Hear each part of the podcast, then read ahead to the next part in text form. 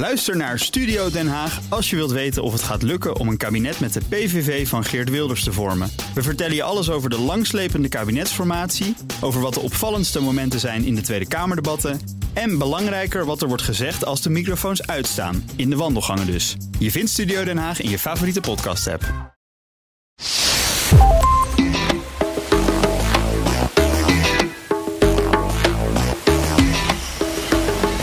Vakantie. Even doen wat jij wil. Nieuwe plekken ontdekken in binnen- of buitenland en daarna weer helemaal opgeladen aan de slag. Toch?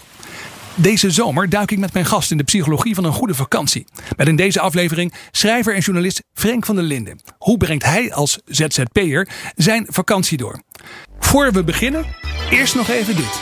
Ben jij toe aan een volgende stap in je carrière en zit je te denken aan een deeltijdopleiding in bedrijfskunde? Nijenrode Business Universiteit biedt hiervoor verschillende programma's aan.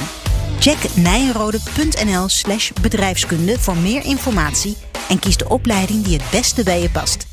Deze podcast wordt mede mogelijk gemaakt door Nijenrode Business Universiteit.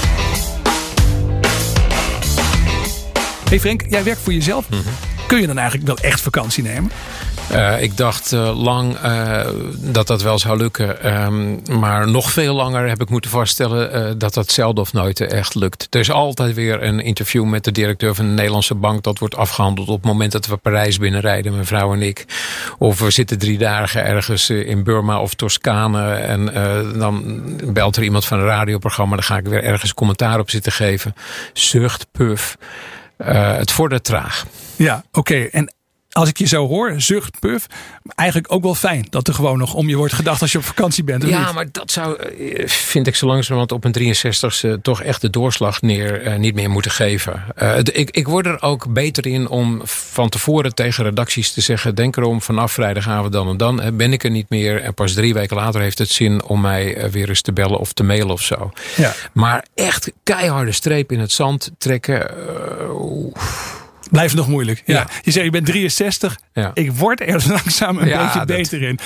wat, tot voor kort was het dus niet zo geweldig. Eh, kun je eens een voorbeeld geven? Wat voor soort dingen gebeurde er dan? Je zegt, je wordt onderbroken. Maar je doet zelf waarschijnlijk ook, draag je bij aan het probleem. Dat je nou niet echt vakantie kunt houden. Eh, eh, twee of drie jaar geleden eh, ging ik op vakantie en was mijn eh, verzameld werk onder Hollandse helden. eh, wat was gekoppeld aan een eh, tentoonstelling over eh, mijn journalistieke portretten in Museum de Fundatie in Zwolle. Was bijna af. Eh, maar ja, niet helemaal dus. Eh, en ik dacht, nou, wij één of twee dagen in dat huis daar in Noord-Italië er nog wat aan klussen. En dat doe ik dan niet de eerste dagen of zo. Dan is dat voor elkaar. Dus op dag drie of vier begon ik eraan.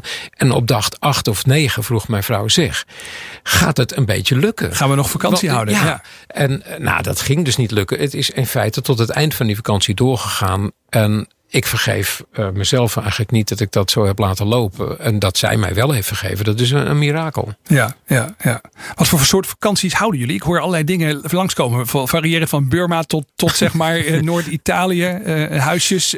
Nou, ik begin altijd met een dag of vier of vijf fietsen in Frankrijk in mijn eentje of met een vriend. Zo'n Ja. kilometer of 75 per dag om uit mijn hoofd te, komen.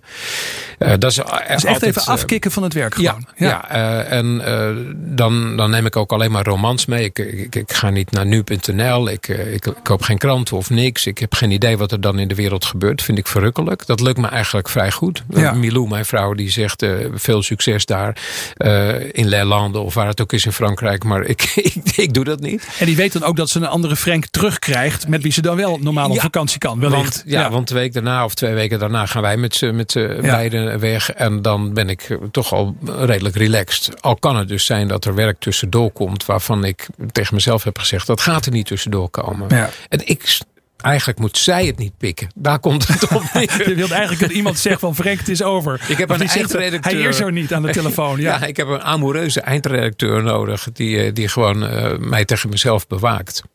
Is vakantie voor jou bijzonder? Ik heb jouw boek gelezen en altijd maar verlangen. En. Ja. dan, dan lees je dat jullie het vroeger niet breed hadden. Dat je waarschijnlijk ook niet echt eh, hele verre vakanties hebt gemaakt in je Ja, jeugd. Is vakantie daarom bijzonder voor jou of belangrijker? Ja, want wij, wij gingen naar Valkenburg of zo. Uh, en uh, die ene keer dat we naar Maria Alm in Oostenrijk zijn gegaan, mijn vader, mijn moeder, mijn zus en ik, was dat de vakantie die definitief leidde tot de scheiding van die twee. Dat was al een, een tijd komende.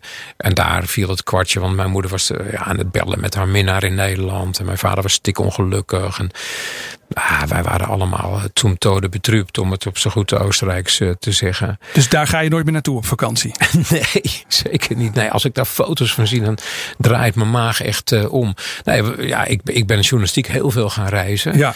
Uh, met name in Zuidoost-Azië en het, en het Midden-Oosten. Ik heb ook een wereldreis gemaakt van acht maanden met mijn eerste echtgenoot. Dus, schreef in dertig landen of zo interviews en reportages. Zij maakte de foto's erbij. En het is altijd een passie gebleven. Maar, maar toch, toch wel niet echt vakantie dan. Hè? Dus dat is eigenlijk een hmm. soort, soort reizen voor je werk. Dat was zeker voor, voor mijn werk. Maar daarnaast deden we ook heel veel gewoon voor, voor de lol. Dan gingen we ook naar Lesland, Letland, Estland, Litouwen in, in twee weken. Niet om een verhaal te maken, maar om ja, gewoon rond te kijken dat we het fijn vonden. En een andere keer lagen we een week ergens in de buurt van Nice aan zee hoor. Dat liep enorm uh, uiteen.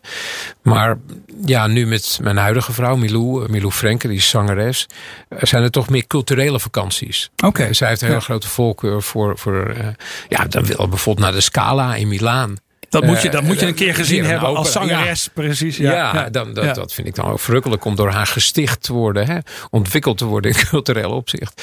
Maar het kan ook zijn dat ik een keer, laten we naar Cambodja gaan. Uh, daar is ook geschiedkundig ontzettend veel op te steken. En dat hij zegt, nou oké, dan doen we een week in Thailand ergens op een eilandje. En, uh, en tien dagen in Cambodja. Dus het is iedere keer zo een beetje puzzelen toch wel spectaculaire vakanties. Als ik nou ZZP'er mhm. ben en ik luister hiernaar. Ik denk, poh, die uh, Frank die heeft het nou toch al een beetje geleerd dan hoe het werkt. Om ook even soms af en toe tot rust te komen. Ja, Heb je dan nog een tip? Moeten we dan ook allemaal op de fiets stappen en eerst een paar dagen in Frankrijk afkicken van het werk? Of wat, wat zou je mensen willen adviseren? Nou, ZZP'ers die uh, werken gemiddeld, is mijn indruk toch echt harder dan uh, de gemiddelde loonslaaf. Ja.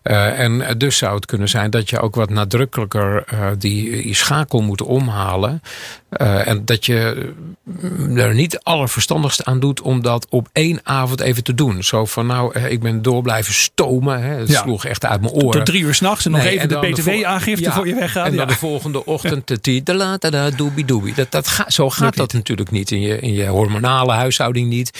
Tussen je oren niet. Een soort biologische remweg heb je. Voordat je ja, ja. ik zou zeggen slow down. En probeer het zo in te richten dat je die laatste twee dagen eigenlijk al een beetje op vakantie aan het gaan bent. En dan zou het kunnen zijn, dat is althans mijn ervaring, dat je er ook veel meer van gaat genieten dan wanneer je in één keer in de zogenaamde vakantiemodus staat. Ja. Dankjewel Frank. Dat was Frank van der Linden over de kunst van het vakantievieren. Tot zover deze speciale vakantieaflevering van de Ben Tichelaar podcast. Tot snel.